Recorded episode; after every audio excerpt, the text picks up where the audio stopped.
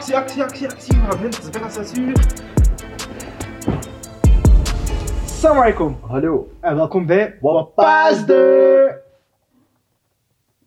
Assalamu alaikum. En welkom bij een nieuwe episode van... Wikipedia. Ik zit hier vandaag naast Alexandro. Alexandro, wil je jezelf een kort voorstellen aan de mensen die u niet kennen? Ik ben Alexandro, 23 jaar oud en ik ben vandaag uw co-host. Co-host bij het interview van wie? Dries van Langehoven. Ja, ja mensen. Het is een jaar geleden dat we hem nog een keer gehoord hebben. Het gaat een pittig gesprek worden. Check it out.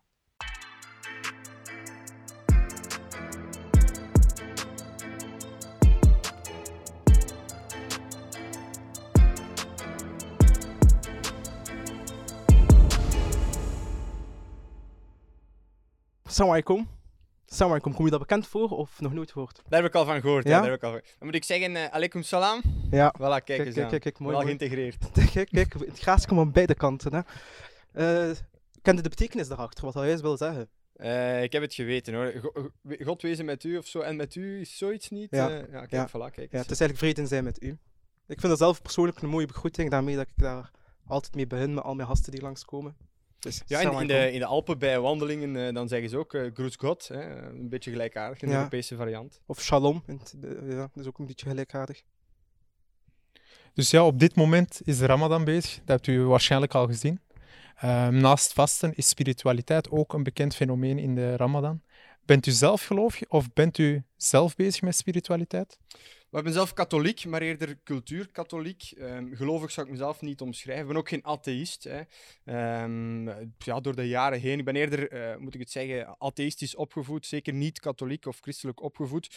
Maar zelf toch gaandeweg ontdekt eh, wat die christelijke wortels precies zijn eh, van, van Europa en van de Vlaamse identiteit. Dat die daar toch een belangrijk deel van uitmaken. Dat je dat overal terugziet. Hè. In de wetenschap, in de architectuur, in ons onderwijs, in, in ons, ons taalgebruik bijvoorbeeld, in onze samenleving, onze normen, onze waarden, dat daar eigenlijk overal wel die, die katholieke wortels eh, in terug te vinden zijn. Dus op die manier ben ik wel cultuurkatholiek geworden, maar om mezelf echt als gelovig te omschrijven, eh, dat nu niet.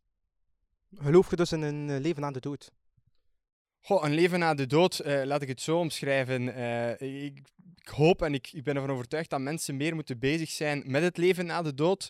Eh, eh, maar dan misschien niet direct op de spirituele manier, maar meer in een nalatenschap. Iets nalaten, iets opbouwen tijdens je leven. Dus dat kan, dat kan zijn eh, goede doelen steunen, dat kan zijn een voorbeeld zijn voor anderen tijdens je leven hier op aarde. Dat kan ook zijn een gezin stichten, een familie, een goed gezinshoofd of familiehoofd zijn, ervoor zorgen dat je de mensen rondom jou een, een, iets mooi nalaat. Zowel spiritueel, maar dat kunnen ook fysieke eh, dingen zijn. Dus op die manier wel bezig zijn met het leven na de dood. Zonder dat ik erin geloof dat er eh, na het leven iets is zoals eh, de hemel of de hel bijvoorbeeld. Ja. Ik zeg niet dat ik het weet bijvoorbeeld. Ik zeg niet dat andere mensen daarom noodzakelijkerwijze fout zijn. Hè. We hebben nu eenmaal nog niet kunnen bewijzen of kunnen vinden eh, wat er na de dood precies allemaal gebeurt. Ehm, dus het is moeilijk om daar uitspraken over te doen. Maar ik ben daar wel mee bezig in die zin dat ik hoop dat eh, mijn kinderen, kleinkinderen, achterkleinkinderen, misschien zelfs daarna, eh, wel fier zullen zijn op hetgeen ik heb verwezenlijkt tijdens mijn tijd hier. Wat zou je willen, willen, verwezenlijken? Maar ik heb twee grote doelen in het leven eigenlijk. Hè. Enerzijds zoveel mogelijk eh, politieke, maatschappelijke verandering teweeg brengen met de, eh, de talenten, de mogelijkheden, de capaciteiten die mij zijn gegeven. En anderzijds wil ik een gezond, gelukkig, stabiel eh, gezin stichten. Ik ben ervan overtuigd dat we als samenleving eh, de verkeerde kant op gaan, te veel vergeten zijn, verloren zijn, hoeveel zingeving, hoeveel eh, ja, positieve zaken er eh, uit de gezin voortkomen, hoeveel geluk dat we daaruit kunnen halen. Ik, ik denk dat we dat moeten gaan herwaarderen, een gezin, een familie, die familiewaarden. En, en daar wil ik toch ook actief aan werken, ja. Oké, mooi. Je heet Dries. Wat wil uw naam eigenlijk juist zeggen, Dries? Maar Dries komt eh, van Andreas, hè, een, een, bijbelse naam. Dries is daar de, de Andries, Andries is daar eigenlijk de Vlaamse verkorting eh, eh, van. En betekent, als ik het juist heb, de dappere. Ehm, eh, past misschien wel een beetje bij hetgeen ik Ja. de afgelopen jaren heb gedaan. Eh, ik heb minder goede dingen gedaan, maar ook dingen die je wel zou kunnen omschrijven als, eh, als dapper bijvoorbeeld. Ja. Minder goede dingen. Kun je iets opnoemen? Maar iedereen maakt fouten in het leven Ja. natuurlijk. Ik ga niet zeggen, eh, zo- daarnet, daarnet heb ik bijvoorbeeld gezegd, kijk, ik heb een aantal talenten en capaciteiten, maar ik heb natuurlijk ook mindere dingen. Er zijn ook dingen die ik minder goed kan. Maar de dingen die ik wel goed kan, bijvoorbeeld spreken voor een groot publiek, bijvoorbeeld mensen enthousiasmeren, zaken organiseren, managen, ondernemen, durven, dat zijn dingen die ik dan weer wel goed kan en die wil ik inzetten voor de mensen rondom mij, voor mijn gezin, familie, vrienden, voor mijn samenleving, voor mijn natie. En dat vind ik wel belangrijk. Eh, maar natuurlijk zijn er ook dingen die ik minder goed kan, natuurlijk zijn er ook dingen die ik fout doe. Dat is eh, bij iedereen zo. En kun je ook negatieve punten geven? Ik ben bijvoorbeeld eh, nogal slordig. Ik ben eh, administratief ben ik, eh, ben ik minder sterk. Ik neem vaak te veel hooi op mijn vork. Ik ben vaak met te veel dingen bezig. Overschat soms hoeveel ik kan doen op één dag. Time management en zo bijvoorbeeld. Dat zijn dingen waar dat ik eh, minder goed in ben. Maar tegelijkertijd besef ik dat ook zeer goed. Hè. Eh, laat ik het zo zeggen, verstandige mensen beseffen hoe weinig ze eigenlijk weten. En ik besef dat ik, eh, zeker op mijn leeftijd, eh, nog relatief weinig weet. En ik, ik ga dus ook vaak advies vragen aan andere mensen. Zeker aan mensen waarvan ik ervan overtuigd ben dat zij complementair zijn aan mij. Dat zij dingen kunnen die ik dan weer minder goed kan. Die probeer ik zeker altijd te betrekken bij mijn bedrijven, projecten, ondernemingen. Omdat we natuurlijk, niemand kan alles goed. Hè. We hebben allemaal mindere kanten. En, en het is onze opdracht om mensen te zoeken die die mindere kanten goed kunnen aanvallen. Zowel wat de partner in uw levenskeuze betreft, als wat eh, partners betreffen in ondernemingen, eh, bewegingen eh, en dergelijke meer. Er zijn heel veel dingen dat we weten over u. Eh, wat is er? Is er zoiets dat wij niet weten over u? Eh, kunt je iets vertellen over uw jeugd? Want we zien altijd het heden van Dries passeren in de media, maar het verleden, daar weten we eigenlijk bijna niets over.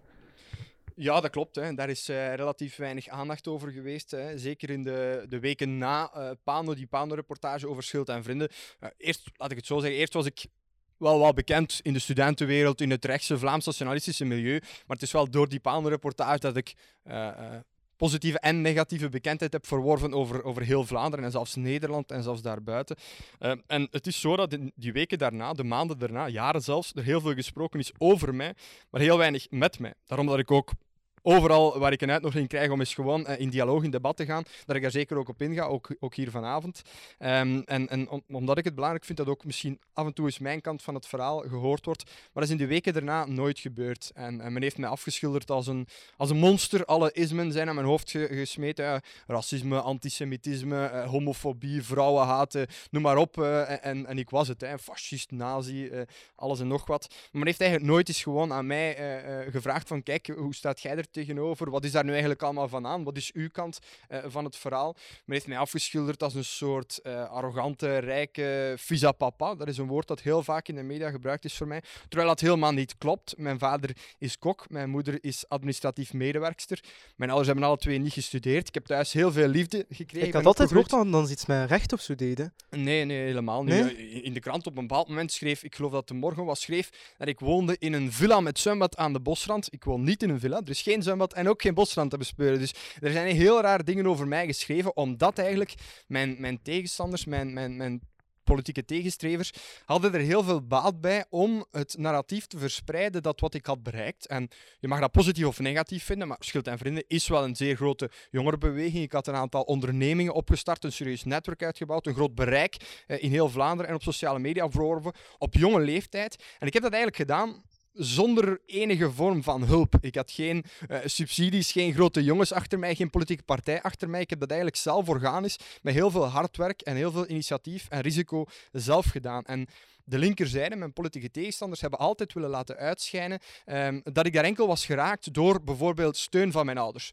En dat kan alleen maar door het narratief te verspreiden dat mijn ouders heel rijk zouden zijn, dat ik een visa papa zou zijn. Nu, dat is absoluut niet zo. Ik kom uit een heel normaal Vlaams gezin, zoals ik al zei. Mijn moeder eh, administratief medewerkster in buitengewoon onderwijs. Mijn vader eh, kok. Alle twee harde werkers. Maar niet dat die het grote geld verdienen of zo. Niet dat ik, eh, absoluut niet dat ik ben opgegroeid in rijkdom of zo. Maar toch was het belangrijk voor mijn tegenstrevers om te doen alsof dat ik het allemaal in de schoot geworpen had gekregen, omdat ze anders moesten erkennen dat ik toch op relatief jonge leeftijd al redelijk wat had, eh, had bereikt. Maar een vieze papa ben ik absoluut nooit geweest. Ik heb van mijn 15, 16, vanaf dat het legaal mocht, keihard gewerkt. Elk weekend, elke En vakantie. welke jobs deed je Eh, dan? Oh, ik heb alles gedaan. In het nachtwerk, ik heb gekuist, ik heb eh, transport gedaan, ik heb verkoop gedaan, sales. Ik heb, ja, zoals ik al zei, gekuist, security werk gedaan, bouw gedaan. Ik heb, ik heb echt alles dat er te doen viel. Veel horecawerk natuurlijk ook, heb ik gedaan. Je hebt dus een heel normale jeugd gehad, maar hoe komt het dat je op een bepaald moment denkt van eh, ik start een beweging, ik start een jongerenorganisatie, wat dan uiteindelijk Scheld en Vrienden wordt.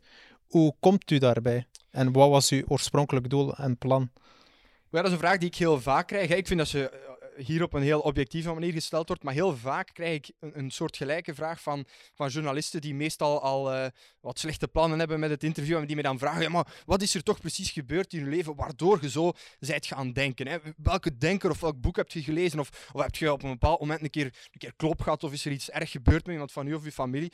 Maar dat is niet echt zo. Ik heb eigenlijk gewoon geleefd zoals heel vele jonge Vlamingen. Ik heb eh, ervaren, geobserveerd, gelezen, gekeken eh, en daaruit mijn conclusies getrokken. En de beweging die ik heb gesticht, hè, Schild en Vrienden, dat is eigenlijk heel organisch gebeurd. Gewoon een, een Facebookgroep aangemaakt op een bepaald moment. Met voornamelijk rechtse, Vlaams-nationalistische eh, studenten, scholieren op dat moment voornamelijk. En wij be becommentarieerden daar artikels, eh, filmpjes, deelden daar een keer eh, ja, reacties op, op van alles en nog wat. En daaruit is dan eigenlijk spontaan, organisch, de beweging Schild en Vrienden gegroeid.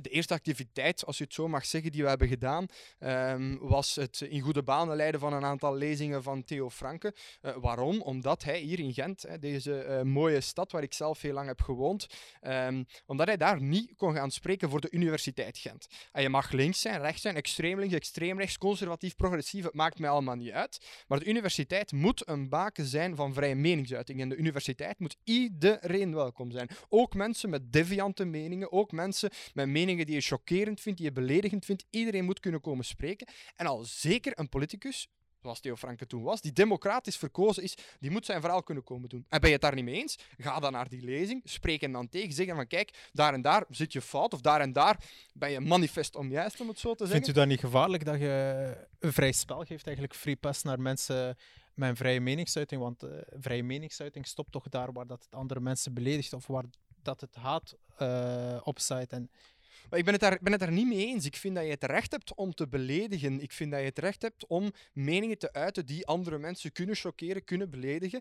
En dat is net noodzakelijk voor het vrije debat, maar ook voor het sociaal weefsel van de samenleving. Als je iemand hebt met een erg deviante mening of een chockerende mening, iemand die, eh, die bijvoorbeeld, eh, moet ik het zeggen, gelovige mensen, moslims of christenen, echt beledigt, dan denk ik dat het nuttig is dat die persoon die mening kan uiten en dat die dan ook kan tegengesproken worden. Dat er andere stemmen in het debat eh, naar boven kunnen komen die zeggen van kijk, je bent fout, daarom en daarom en daarom. Want anders geef je die mensen vrij spel eh, buiten het publieke debat. En ik denk dat dat nog veel meer negatieve gevolgen meebrengt eh, dan dat je die mensen gewoon openlijk hun mening laat uiten. Natuurlijk, er zijn grenzen aan alles. Hè. Oproepen tot geweld bijvoorbeeld, dat mag niet. Je mag ook niet, hè, het klassieke voorbeeld dat me eraan geeft, je mag ook niet in een donkere cinemazaal, een volle cinemazaal, roepen brand als er geen brand is. Dat mag ook niet. Maar voor de rest moeten we wel de vrije meningsuiting zo vrij mogelijk maken.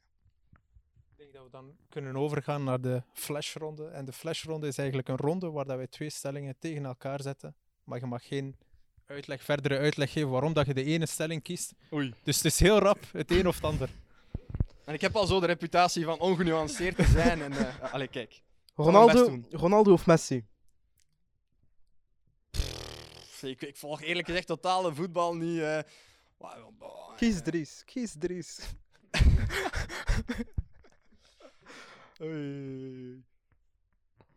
Maar Messi heeft onlangs een schandaal gehad, zeker dat hij taxen, eh, belastingen had ont- ontweken. eh. Ronaldo ook. eh. Ja, bon, allee, ik- sorry, daar kan ik echt niet op. Ik ben totaal niet met voetbal bezig. Geen probleem. Pizza of pasta? Eh, pizza. Mayonaise of ketchup? Ketchup. Jeuk hebben of pijn hebben? Pijn hebben. Thuis of familie? Jezus Christus, man. Dat is de Vlaamse cultuur. hè. welke, welke marteling doet het minste pijn? eh? Doe dat maar familie. Daar daar gaat net iets minder belastingsgeld naartoe. Facebook of Twitter? Eh, Twitter. Telegram of Discord? Telegram. Ochtendmens of eerder een nachtmens? eerder een nachtmens, maar ik probeer toch echt wel een ochtendmens te zijn. Apple of Samsung? Goh. Samsung. Geert Wilders of Thierry Baudet? Thierry Baudet. Vlaanderen onafhankelijk of alle asielzoekers buiten? Vlaanderen afhankelijk. Het bos of het strand? Het bos. Pano of telefax? Telefax. Borsten of billen?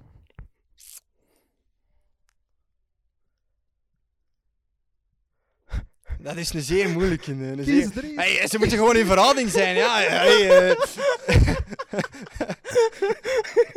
ja, dat- dat hangt er echt vanaf, specifiek geval. Je zou met foto's moeten werken dan, vind ik. eh, Mij laten kiezen tussen twee foto's. Nee, eh... pff. Ja, nee, jong, ja. eh. Doe dan maar billen, dan. Doe maar billen. dan. Jood of moslim? Eh, moslim. Onzichtbaar of kunnen vliegen? Kunnen vliegen. Weten wanneer je doodgaat of weten hoe je doodgaat? Weten wanneer hij doodgaat. Geen bezoekers op je bruiloft, eh, bruiloft of geen bezoekers op je begrafenis? Geen bezoekers op mijn. eh Goh. Bruiloft. Geld of liefde? Liefde. Een restaurant of zelf koken? Eh, ik doe de beiden ongelooflijk graag, eerlijk gezegd. Eh, restaurant. Zomer of winter? Zomer, zeker zomer. Uw zoon transgender of uw zoon moslim? Mijn zoon moslim. Zes uur op date met Corne Rousseau of één uur in bad met Mark van Ranst? Eh, eh, eh, mijn hele leven op date met Conor zo nog eerder. Sorry. En de laatste, dat is kapitaal of de Koran? Eh.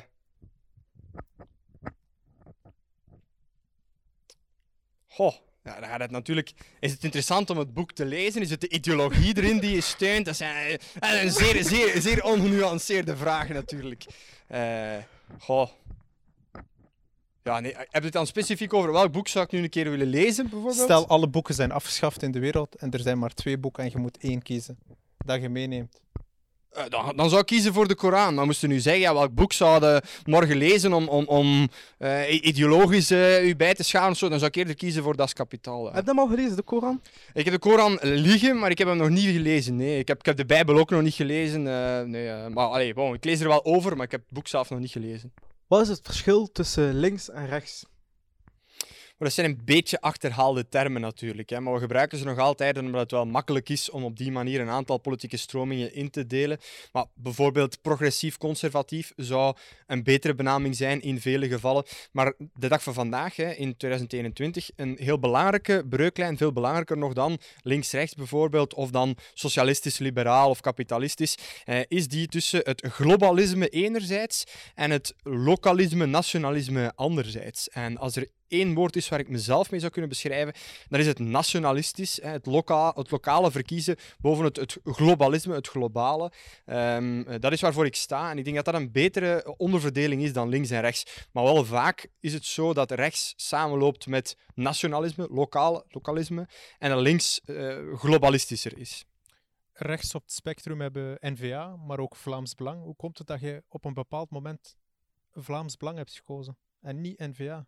Ik kan me nu eenmaal beter vinden in eh, de standpunten van het Vlaams Belang. Ik vind dat N-VA op een aantal dingen, eh, bijvoorbeeld op de, op de ethische thema's, eh, heel progressief is, terwijl ik zelf eerder conservatief ben. Maar ook wat migratie betreft, vind ik dat het, Vla- dat het N-VA het niet goed gedaan heeft onder Theo Franken. Veel te laks open grenzenbeleid zelfs heeft gevoerd. Wat het integratiebeleid betreft en dergelijke meer ook, vind ik dat ze veel te zwak geweest zijn. Maar zeker ook, wat we de afgelopen maanden heel duidelijk hebben gezien, is het subsidiebeleid. Heel wat mensen, heel veel mensen rondom mij ook, hadden gehoopt om eindelijk eh, verandering te zien met NVA. Dat ze eindelijk eens met de hakbijl eh, in die subsidie-industrie eh, tekeer gingen gaan. Maar wat zien we daar? Dat schoemelaars zoals Siham El Kawakibi nog meer miljoenen kregen onder NVA dan onder de voorgaande regeringen en overheden. En dat vind ik toch wel heel teleurstellend. Maar ik ben natuurlijk ben geen officieel lid van Vlaams Belang. Ik leer mij natuurlijk wel met die partij. Ik zit samen in één fractie eh, in, in de Kamer. Maar dat is omdat ik mij in de meeste standpunten zeer goed kan vinden. Als we kijken naar het Vlaams Blok van 2004, dat is verboden gemaakt geweest eh, door het 70-puntenplan. Wat is het verschil nu eigenlijk met het Vlaams Blok en het Vlaams Belang? Wat meer dan de naam, eh, denk ik. Hè. Eh, men is op een andere manier aan politiek gaan doen. Ik denk dat de, de fond van de partij waar ze voor staan, dat is niet veranderd, denk ik. Hè. Een onafhankelijk Vlaanderen, terug baas worden over eigen centen, over eigen grenzen, over het eigen beleid. Maar ik denk wel dat de manier van aan politiek doen en de, de mensen waarop ze zich richten, hoe ze aan politiek doen, dat is wel belangrijk. En dat is denk ik wel, wel cruciaal. Want ik denk dat het als je bijvoorbeeld kopstuk hebt als Philippe de Winter, die nog mhm. altijd ook zowel in het Vlaams Blok hebben gezeten als in het Vlaams Belang. Is dat, is dat niet dubbel? Ja, maar wat er vroeger misschien te vaak werd gedaan, is dat, dat men politiek ging doen uh, en dat men uh, het over individuen ging hebben, bijvoorbeeld. Uh, dat men, dat men het, het, ging hebben over de mensen zelf in plaats van over het fenomeen. Bijvoorbeeld, we moeten ons niet, niet specifiek richten op de migrant of op een migrant. We moeten ons meer gaan richten op het fenomeen globalisme, op massamigratie, op de, de, de gevolgen die dat teweeg brengt in de samenleving, zonder te veel met de vinger te wijzen naar, naar die, die persoon of die persoon. Ik denk dat dat ook wel, wel meer veranderd is uh, de afgelopen jaren. Maar doe je dat zelf ook niet soms zo onbewust wijzen met de vinger, die persoon, die persoon? Maar natuurlijk, hè, soms kan je ook niet anders. Hè. Als er bijvoorbeeld een bepaalde persoon is die het een of ander doet, eh, Siham El Kawakibi is bijvoorbeeld een goed voorbeeld, maar Yasmin Nassiri, uh, Youssef Kouba... Dat, dat, dat, is, ik zie hem, dat is bijvoorbeeld een proces dat ook door de media nu gevoerd wordt. Mm Uw proces is ook door de media gevoerd geweest. Is dat niet, eh, en hij zelf zit er ook een tegenstander van. Is dat dan niet dubbel? Er zijn, er zijn heel grote verschillen wel natuurlijk. Hè. Uh, uh, Kawakibi, ja, moeilijke naam soms om uit te spreken, uh, heeft tot twee maal toe een gigantisch grote persconferentie mogen geven in de media. Dus ik heb eigenlijk nooit een weerwoord gekregen. Wekenlang na de Panenreportage is er vooral gesproken over mij, maar nooit, nooit, nooit met mij. Hele krantenartikels, hele uitzendingen gingen over Dries van Langenhoven, maar ik zat nooit aan tafel. Ik werd nooit om een reactie gevraagd door journalisten. Terwijl Siam Kawakibi telkens malen de kans heeft gekregen om zich te verdedigen, die kans ook gegrepen heeft. Hij heeft één keer een grote persconferentie live op de VRT gedaan. Kunt je het u inbeelden dat Dries over een uur en een half zendtijd krijgt op de VRT? Ik denk het niet. Siama Kawakibi heeft een uur en een half lang haar zaak mogen verdedigen. En achteraf heeft uh, haar uh, advocaat, een van haar advocaten, Johan van der Lotte, nogmaals een persconferentie mogen geven. Ik denk dat het ook een uur was over haar zaak. Um, dus bij mij is dat heel eenzijdig in de media gevoerd. Ik heb nooit echt de kans gekregen om mij te verdedigen. Siama Kawakibi heeft de kans gekregen om haar te verdedigen. En het is natuurlijk ook nog een verschil met ben je een echt publiek figuur of ben je dat niet. Dat speelt ook mee. U bent kort in ter toen gekomen, kort na eh, de uitzending van Pano, uh, waar dat u een weerwoord probeerde te bieden aan uh, mevrouw Koos in verband met die, met die versleutelde groepen. Sta je daar nog altijd achter? Beweert u nog altijd dat dat manifest onjuist is? Want dat is een uitspraak die vaak terugkeert en, en blijft plakken. Het is een meme geworden, ja, manifest dan juist. Dat is een handige manier van communiceren. En als er memes over gemaakt worden, dan praat men er veel over. Dat is wel positief. Maar dat, uh, dat interview dat ging eigenlijk niet over, over de hele Pano-heisa. Het was er ook niet echt kort na. Het was toch al een maand of vijf later. Het ging eigenlijk over mijn kandidatuurstelling als onafhankelijk kandidaat op de lijst van Vlaams Belang voor de verkiezingen. En dat is eigenlijk ook de enige keer dat ik echt uh, uh, aan bod ben gekomen, een beetje de tijd heb gekregen om mijn verhaal te doen bij de VRT. Nu, het was in totaal maar een, een tiental minuten, geloof ik. En ik heb, eh, ik heb er ooit een keer de chronometer bij genomen. Uh, Kathleen Kools heeft bijna evenveel gesproken als ik in dat zogezegde interview. Dat is meer een debat. Ehm, maar heb ik daar echt de kans gekregen om bepaalde zaken uit te leggen? Ik denk het niet. Nu, mijn standpunt over uh, die Palme-reportage, dat men daar een beeld van mij heeft geschetst dat op geen enkele manier aansluit bij de realiteit. Dat men daar uitspraken, memes, gebeurtenissen aan mij heeft proberen verbinden die absoluut niets met mij te maken hebben. Daar sta ik 100% nog altijd achter. En ik ben ervan overtuigd dat als het proces er zal komen, want dat is nog altijd niet zeker. Als dat proces er zal komen, dan zal het mij over de hele lijn vrijpleiten. Ja. Op zich is dat toch makkelijk te bewijzen of u in die groepen was er, of dat u dingen hebt gedeeld. Want ook als je het verwijdert, kun je het nog altijd terugvinden. Dus maar we hebben, we hebben een berg aan bewijzen liggen. Het dossier zelf is ook heel erg dik. En uh, we hebben daar trouwens vorige week uh, een, een vraag voor bijkomend onderzoek voor ingediend. Om al een aantal, als, een aantal zaken die aan mij worden verbonden, die echt gewoon compleet absurd zijn, die zo makkelijk te bewijzen zijn dat ze niets met mij te maken hebben, om die al hè, op voorhand uit het, uit het dossier te laten halen, omdat het absurd is dat er aan mij verbonden wordt. Maar natuurlijk, hè, de onderzoeksrechter moet daar nog over beslissen. Dat proces moet nog volledig gevoerd worden. Dus ik ga daar geen voorafnames aan doen. Maar opnieuw, ik herhaal, ik ben er echt van overtuigd dat als er een proces komt dat op een enigszins eerlijke manier wordt gevoerd, dat dat mij volledig over de hele lijn zal vrijpleiten. En stel dat je toch schuldig wordt bevonden, wat is je reactie dan? Maar dat zullen we nog zien natuurlijk. Ik ga er geen voorafnames op doen, maar opnieuw, ik ben er echt van overtuigd dat ik over de hele lijn vrijgesproken zal worden. De aantijgingen zijn ook behoorlijk belachelijk. Zeker en vast als je het dossier kunt inkijken, waar duidelijk uit blijkt dat ik absoluut niets verkeerd heb gedaan, niets dat strafbaar is, uh, dat ik niks heb gedaan dat niet door de beugel kan. Dus ik kijk dan met een zeer gerusthartige moed. Wat wel zo is natuurlijk, is dat er heel veel tijd in kruipt in, in zo'n proces. Het is nog niet begonnen en ik, ben nu al, ik heb daar nu al gigantisch veel tijd in moeten steken. En ook heel veel geld. Hè. Uh, advocaten kosten heel veel geld in België. Er heerst hier een echte klassejustitie. Ik ben hier in Gent, hier niet zo ver af.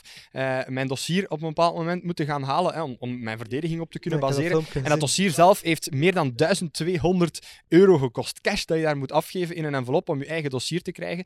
Nu, voor mij, oké, eh, ik, eh, ik ben ondertussen parlementslid. Dat verdient niet, eh, niet bepaald slecht. Ik heb dat kunnen betalen. Maar eh, heel wat andere mensen, en bijvoorbeeld mensen bij mij die mee beklaagd zijn, daar zijn, daar zijn een aantal studenten bij, mensen die net begonnen zijn, mensen die eh, een, een, een zware lening hebben aangegaan, misschien net kinderen hebben zo. Voor heel veel mensen is dat, is dat onbetaalbaar veel geld. Dat, dat is een, een maandloon. Dat kunnen veel mensen niet zomaar opeens cash in een envelop afgeven om een dossier te krijgen. En op die manier kunnen ze zich niet eerlijk verdedigen. Het Dus was zelfs geen papieren dossier, hè. het was toch op een CD of het was een, een digitale dossier. Dus ik heb meer dan 1200 euro cash moeten betalen om een dossier te krijgen op een CD-rommetje. Dus in de 21ste eeuw een CD-rom. Bij mij gaat dat niet in mijn computer, dus ik heb dat moeten laten, eh, laten omzetten dan nog eh, op een USB-stick. Maar dus op een CD-rom. En hoe zijn die regels er gekomen? Vroeger was, kostte het 30 cent per pagina eh, voor je dossier om je dossier te krijgen, omdat dat geprint moest worden. Behoorlijk duur, maar dan kun je daar nog misschien ergens begrijpen dat het, dat het geld komt, kost om een papier te krijgen, omdat je er dan toch iets fysiek voor krijgt. Maar dus de dag van vandaag eh, is dat verboden om dat op papier te doen, om ecologische redenen, begrijp ik, zeker en vast. En geven ze het digitaal, maar de regel dat het 30 cent per pagina kost, die geldt nog altijd, ook al is het een digitaal dossier. Dat is dus echt Belgische Kafka en klassejustitie, heel schandalig. Moet dringend worden afgeschaft. En ik heb dan ook, hè, want eh, ik, ik leg, de- link altijd van de praktijk naar, naar de theorie in het parlement. Ik heb dan meteen natuurlijk samen met collega's eh, van het Vlaams Belang in de commissie Justitie hebben wij een wetsvoorstel ingediend om eh, die regeling aan te passen, om ervoor te zorgen dat mensen gratis een digitale inzage, een kopie kunnen krijgen van hun dossier, om hun op te kunnen verdedigen, zodat ook mensen die niet kapitaalkrachtig zijn een eerlijke kans maken op rechtvaardigheid voor een Belgische rechtbank.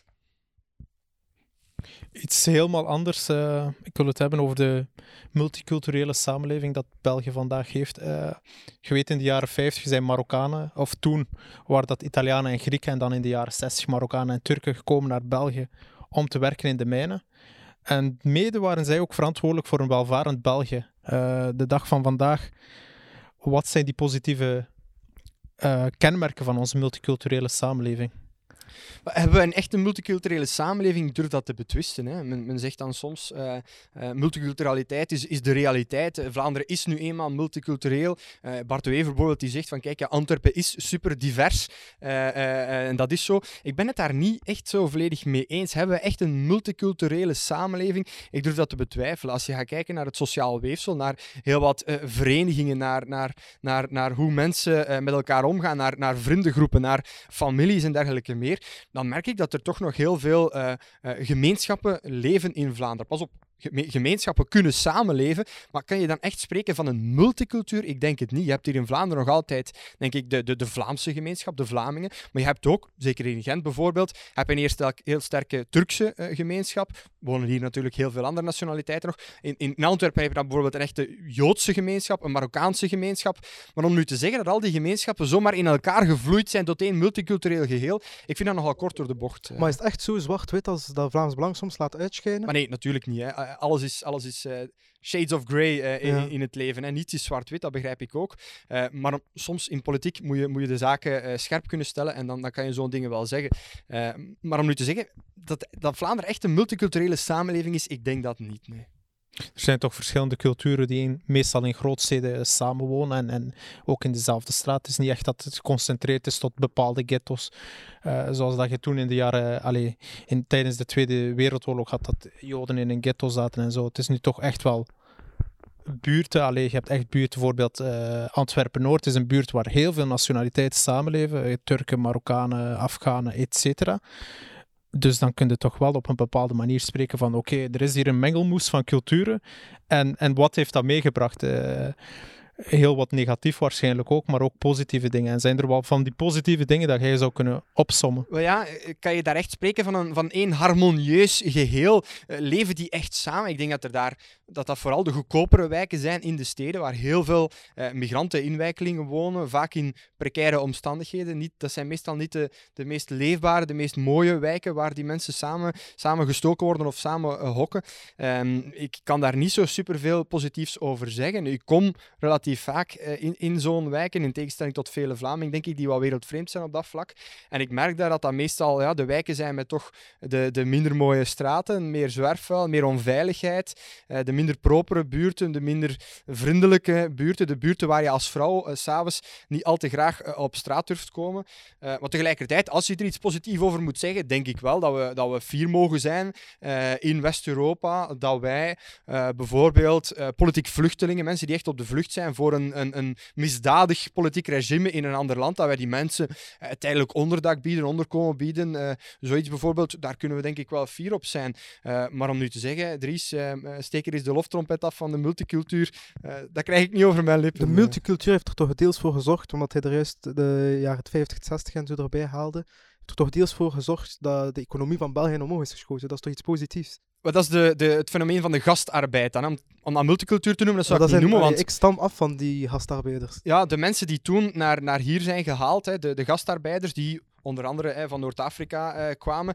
Uh, die mensen die zijn niet altijd op de juiste manier behandeld geweest. Die zijn eigenlijk samen ge geduwd in ghetto's. Dus om te zeggen dat er dan een, een, multiculturele samenleving was, ik denk het niet. Pas op, dat lag vooral aan, aan, aan ons is veel gezegd, want ik voel me daar als Vlaming niet echt mee verwant met de mensen die dat toen hebben gedaan.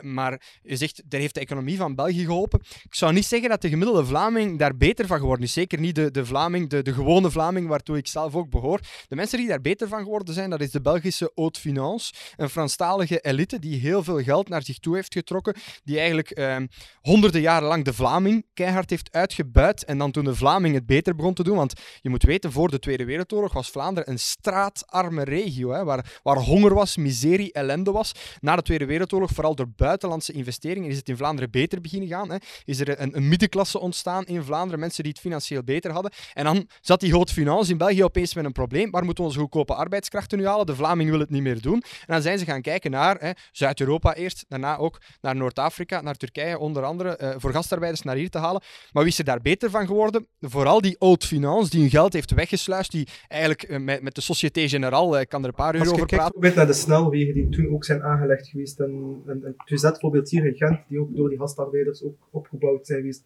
Dat zijn allemaal positieve zaken waarvan we vandaag de dag nog altijd van kunnen genieten. We kunnen niet ontkennen, inderdaad, ja. dat die gastarbeiders dat die hard gewerkt hebben. Hè. Dat, dat zal niemand, denk ik, ooit ontkennen. Tegelijkertijd moet je er tegenover plaatsen dat het ook samenlevingsproblemen met zich heeft meegenomen. Onder andere omdat, en dat heb ik, al, uh, heb ik in het verleden ook al een aantal keer uitgelegd, uh, omdat de, de haute finance, de, de, de rijke uh, elite, de, de grootkapitalisten, de industriële bazen, de mijneigenaars, de mensen die het geld verdiend hebben op de rug van die gastarbeiders, die waren erbij gebaat dat er geen integratie, laat staan assimilatie plaatsvond. Die waren erbij gebaat dat een Turkse of Marokkaanse gastarbeider, dat die zeker en vast niet Nederlands of Frans leerde, dat die zeker en vast bij elkaar bleven wonen, omdat ze op die manier zich niet konden emanciperen, dat ze op die manier niet de groei mee konden uh, deelnemen aan de samenleving, dat ze veel moeilijker hadden om onderwijs te gaan volgen en als ze eigenlijk om het oneerbiedig te zeggen, dom gehouden werden, zodat die goedkope arbeidskrachten liefst nog een aantal generaties mee konden gaan om er heel veel geld op hun rug te verdienen. Dat is wat er gebeurd is en dat is echt schandalig. De bekende slogan van Vlaams Belang is eerst onze mensen. Toch zijn er heel veel mensen die geen affiniteit hebben met die, met die slogan. Bijvoorbeeld transgenders of homo's, maar ook heel wat vrouwen. Um, en Farah de Aguirre, journalist bij de VRT, ging in 2019 op bezoek bij jullie hoofdkwartier. En ze stelden vast dat er uh, toch niet zoveel vrouwen aanwezig zijn in het hoofdkwartier. Gelinkt aan die vraag, um, vrouwen zijn ook in het algemeen minder betaald dan mannen. Wat vindt u daarvan? En wat vindt u van feminisme in het algemeen? Dat zijn heel, heel, heel veel onderwerpen in één keer. Ten eerste, vrouwen worden gemiddeld gezien minder betaald. Klopt. Ze kiezen ook vaak voor de veiligere sectoren. Ze kiezen vaak voor de minder risicovolle jobs. Ze kiezen ook vaak, voor de zachte sectoren. In plaats van bijvoorbeeld ingenieurswetenschappen kiezen vrouwen meer voor bijvoorbeeld verpleegkundigen, zorgkundigen bijvoorbeeld. Dat zijn een aantal verschillen die ertoe leiden. Ze onderhandelen ook vaak minder hard voor hun loon dan mannen, die ertoe leiden dat vrouwen gemiddeld gezien minder worden betaald. Laat ons duidelijk stellen, equal pay is, is zeer belangrijk het is belangrijk dat als een man en een vrouw dezelfde job doen, dat ze evenveel verdienen. Maar er zijn een aantal logische verklaringen voor het fenomeen dat gemiddeld gezien vrouwen minder geld verdienen dan mannen. Hè. Dat heeft zeer weinig te maken met, met seksisme bijvoorbeeld. Nou, het andere punt dat je aanhaalt, dat er bij Vlaams Belang op een bepaald moment weinig vrouwen werkten. Ja, op die moment werkten er te koer weinig mensen bij Vlaams Belang. Het was een klein partijtje geworden toen Farah Diagiri daar langs ging. Ik geloof dat Vlaams Belang nog maar 6% of zo haalde. Ondertussen zijn we toch uh, vervierdubbeld in de, in de peilingen. Maar politiek is een heel harde stijl, een heel... Uh,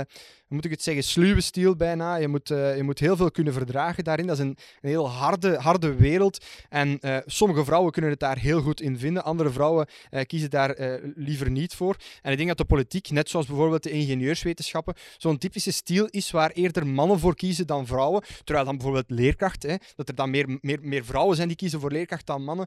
Ehm, dat is nu eenmaal een organisch fenomeen. Dat we daar weinig aan kunnen doen. Maar ik denk dat de politiek algemeen, en ook Vlaams Belang, de afgelopen jaar wel hard gewerkt heeft aan uh, meer vrouwen betrekken bij de politiek. En als je nu bijvoorbeeld, want ik ben er vijf jaar geleden is geweest, ik, ik kom er vandaag ook uh, regelmatig over de vloer. Als je nu bij Vlaams Belang binnen zou gaan wandelen, dan zijn veel meer vrouwen ook aan het werk. Dat zie je. Dat zie je ook in het parlement, dat zie je overal in de politiek. En dat is wel een positieve zaak, denk ik. Maar om dan krampachtig te zeggen, we moeten dringend op zoek naar meer vrouwen of zo.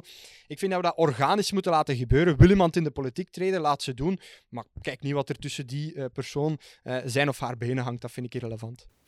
Hij staat onafhankelijk op de lijst van Vlaams Belang, maar houdt dat juist in dat onafhankelijk zijn?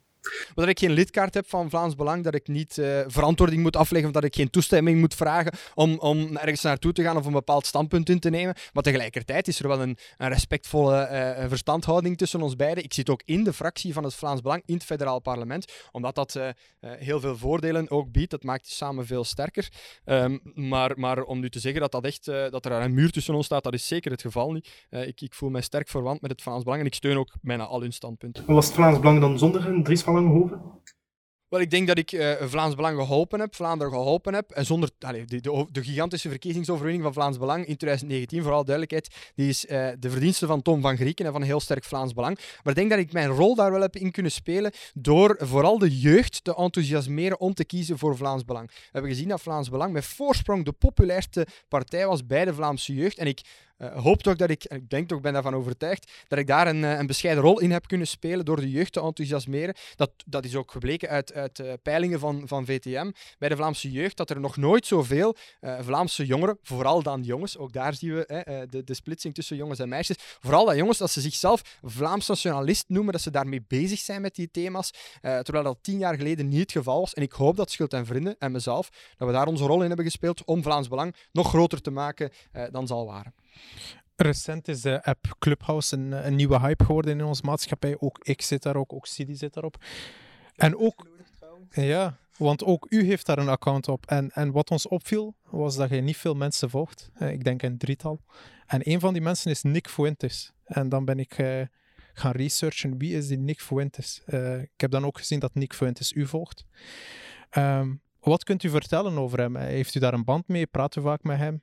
Wel, uh, eerst, en vooral, hè, CD heeft mij inderdaad uh, overhaald om op Clubhouse actief te worden, maar dat draait precies nog niet goed genoeg in Vlaanderen. Het lijkt mij een heel interessante applicatie, maar ik heb er nog geen gebruik van gemaakt, omdat ik zie dat er toch niet zo heel veel volk op zit. En ik moet zeggen, ik beheer al Instagram, Facebook, Twitter, Telegram, ondertussen ook TikTok. Ik, ben, ik heb mij toch laten overhalen na, na jaren gezagen om op TikTok een account aan te maken. En om nu te zeggen dat we er nog een aantal dingen bij moeten nemen, dat wordt om duur wel heel druk.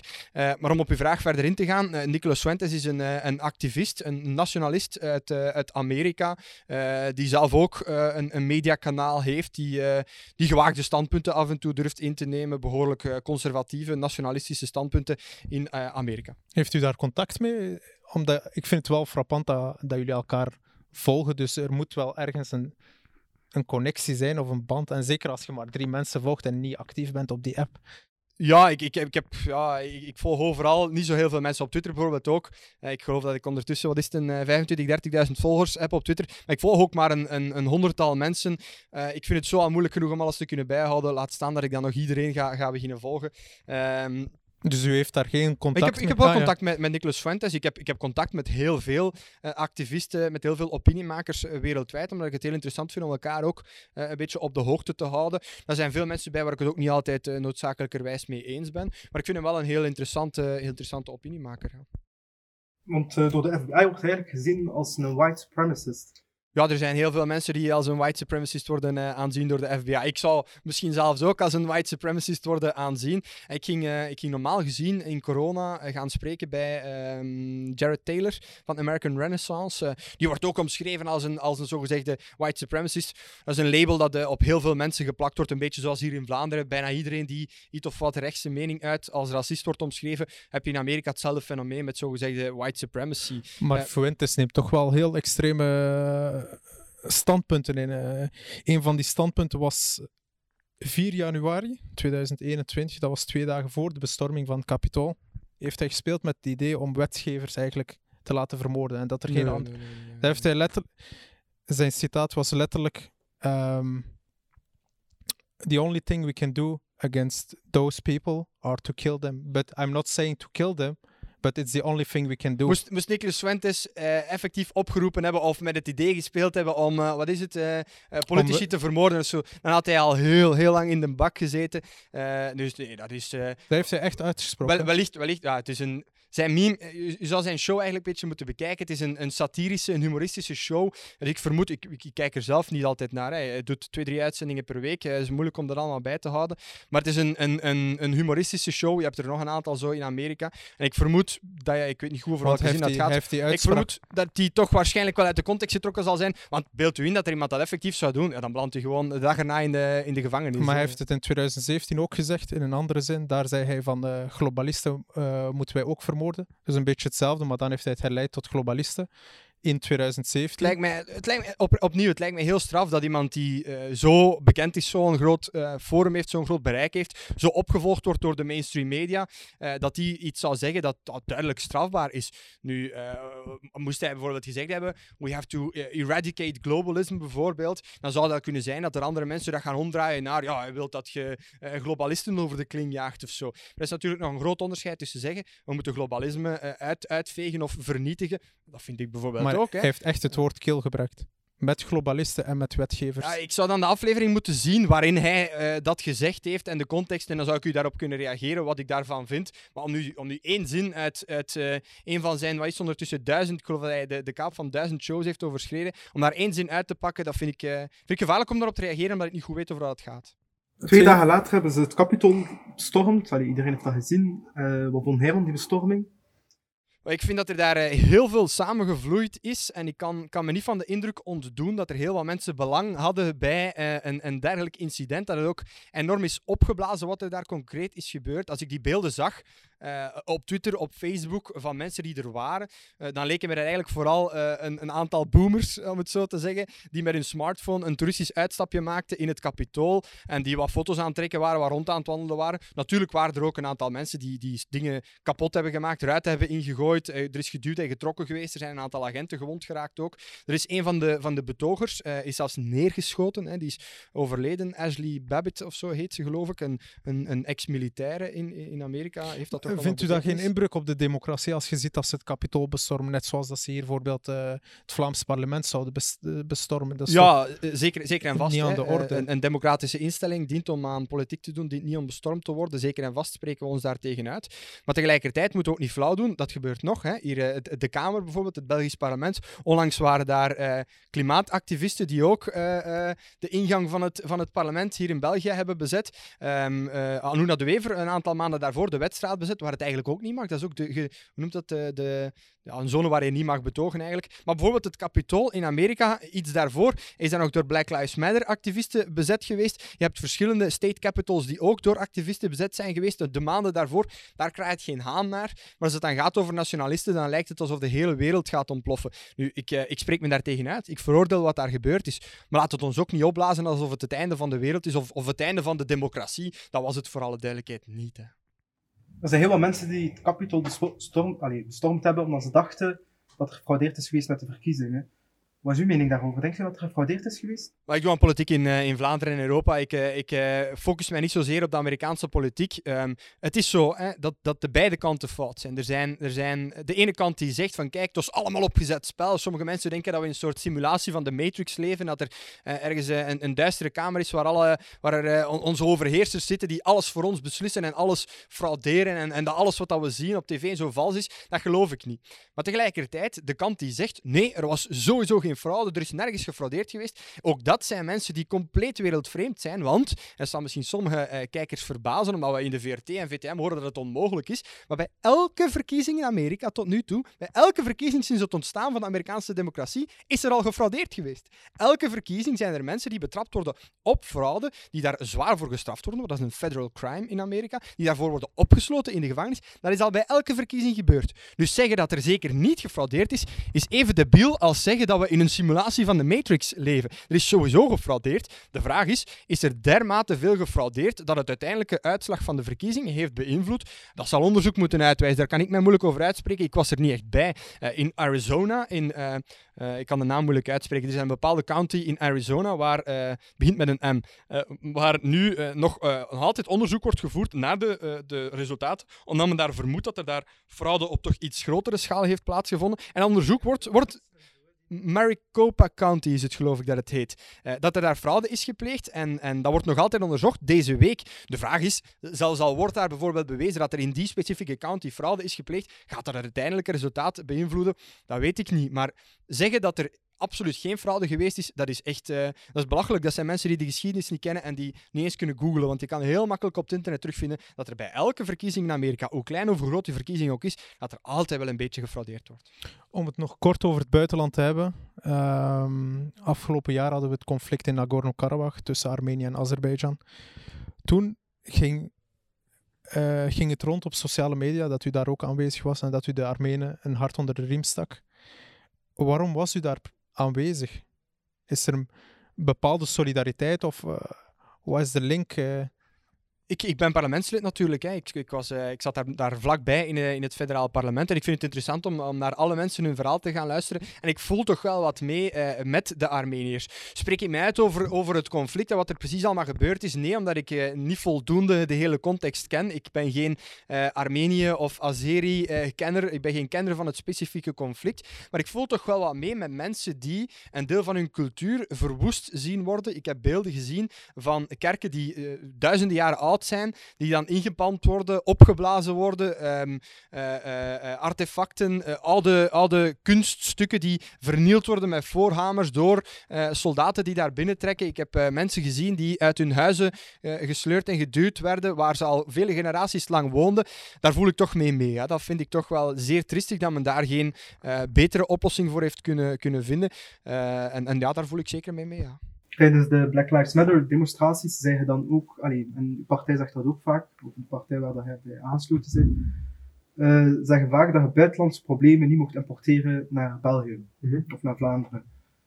Is dat dan ook geen buitenlands conflict dat je eigenlijk mee importeert? Ja, zeker en vast. En uh, ik heb beelden gezien. Ik weet niet of het in België ook gebeurd is, maar in Duitsland bijvoorbeeld waren er heel grote vechtpartijen tussen Armeniërs enerzijds en Turken, Azeris anderzijds, die op straat werden uitgevochten. Daar zijn mensen zwaar gewond ik weet niet, ik denk dat er misschien zelfs doden bijgevallen zijn, maar uh, gruwelijke beelden. Allee, auto's die echt inreden op, op betogingen en, en echt zwaar, zwaar geweld op straat. Uh, trouwens, conflicten die hier in België ook gebeuren. Hè. We hebben het uh, onlangs nog gezien tussen Koerden en Tsjetsjenen, dergelijke meer. zonder mij uit te spreken over wie dat er bij een specifieke vechtpartij of bij een specifiek conflict het, juiste, aan het juiste eind het heeft of, of, of in zijn recht is of zo, daar spreek ik mij in deze situatie zelfs niet over uit. Maar inderdaad, dat is buitenlandse conflicten importeren. Meer nog, ik vind ook dat de, de, de Belgische politiek fout is geweest inclusief het Vlaams Belang voor alle duidelijkheid. Alle, alle partijen hebben daar boter op het hoofd, met zich continu bijvoorbeeld te willen uitspreken over Israël en Palestina. Dat is niet ons probleem, dat is, dat is niet, niet ons land, daar hebben wij weinig of niks mee te maken. Moeten wij constant ons gaan uitspreken over buitenlandse conflicten? Moeten wij constant buitenlandse conflicten importeren? Of het nu gaat over Armenië, Azerbeidzjan, of het nu gaat over Koerden en Tsjetsjenen, of uh, Palestijnen en, en, en, Joden, dat is in principe niet ons probleem. We hebben hier in Vlaanderen en België meer dan problemen genoeg. En als het over Black Lives Matter gaat, dan geldt dat zeker en vast. Als er een, een, een zwarte crimineel, eh, de omstandigheden spreek ik mij niet over uit, maar uh, in Amerika uh, sterft bij een arrestatie dan moeten wij hier in Vlaanderen muurschilderingen gaan maken, uh, debatten organiseren in het parlement. Allee, als, er, als er bijvoorbeeld gigantische pedofilie-schandalen zijn, dan zwijgt men in het parlement. Maar als het dan gaat over een zwarte crimineel die aan de overkant van de oceaan sterft, uh, dan moeten wij hier debatten organiseren in het parlement, gigantische betogingen. Dan komen we opeens allemaal wel op straat. Maar er is genoeg onrecht hier in België en in Vlaanderen om over op straat te komen, waar dat men niet over op straat komt. Dus dat betreur ik wel, ja. Recent zag u dat u ondanks het reisverbod in Parijs aanwezig was eh, voor de Generation Identitaire. Een beweging die inmiddels al verboden is, Frankrijk. Dat was midden in een pandemie, met een reisverbod. Um, velen verweten u dan uh, toen voor hypocriet. Uh, vindt u dat terecht? Nee, absoluut niet. En dat zijn mensen die uh, de definitie van hypocrisie heel goed moeten gaan opzoeken. Want hypocrisie wil eigenlijk zeggen dat je handelt in strijd met wat je zelf propageert, maar wat je zelf voor staat en, en, en zegt. En dat is bij mij niet het geval. Ik heb zelf nooit gezegd dat er uh, een reisverbod zou moeten komen. Ik vind eigenlijk dat men het land helemaal terug moet opengooien. Ik vind dat die maatregelen dictatoriaal zijn, ingaan tegen onze grondwet en een ernstige inbreuk zijn op onze vrijheden. Dus ik heb zelf nooit gezegd dat er een, een reisverbod of zo zou moeten komen. Dus hoe kan ik hypocriet zijn tegenover iets wat ik zelf nooit heb gezegd? Dat slaagt op niks. De grenzen moesten toch dicht? Eh, de grenzen, de, als te zien over wat dat gaat natuurlijk. Maar eh, in, die corona, in, met die coronamaatregelen dat je zogezegd niet naar Frankrijk mocht gaan, die regel is er niet gekomen door mij. Die regel is er gekomen in oppositie met wat ik zelf zeg. Ik heb zelf gezegd, mensen moeten naar het buitenland kunnen blijven gaan.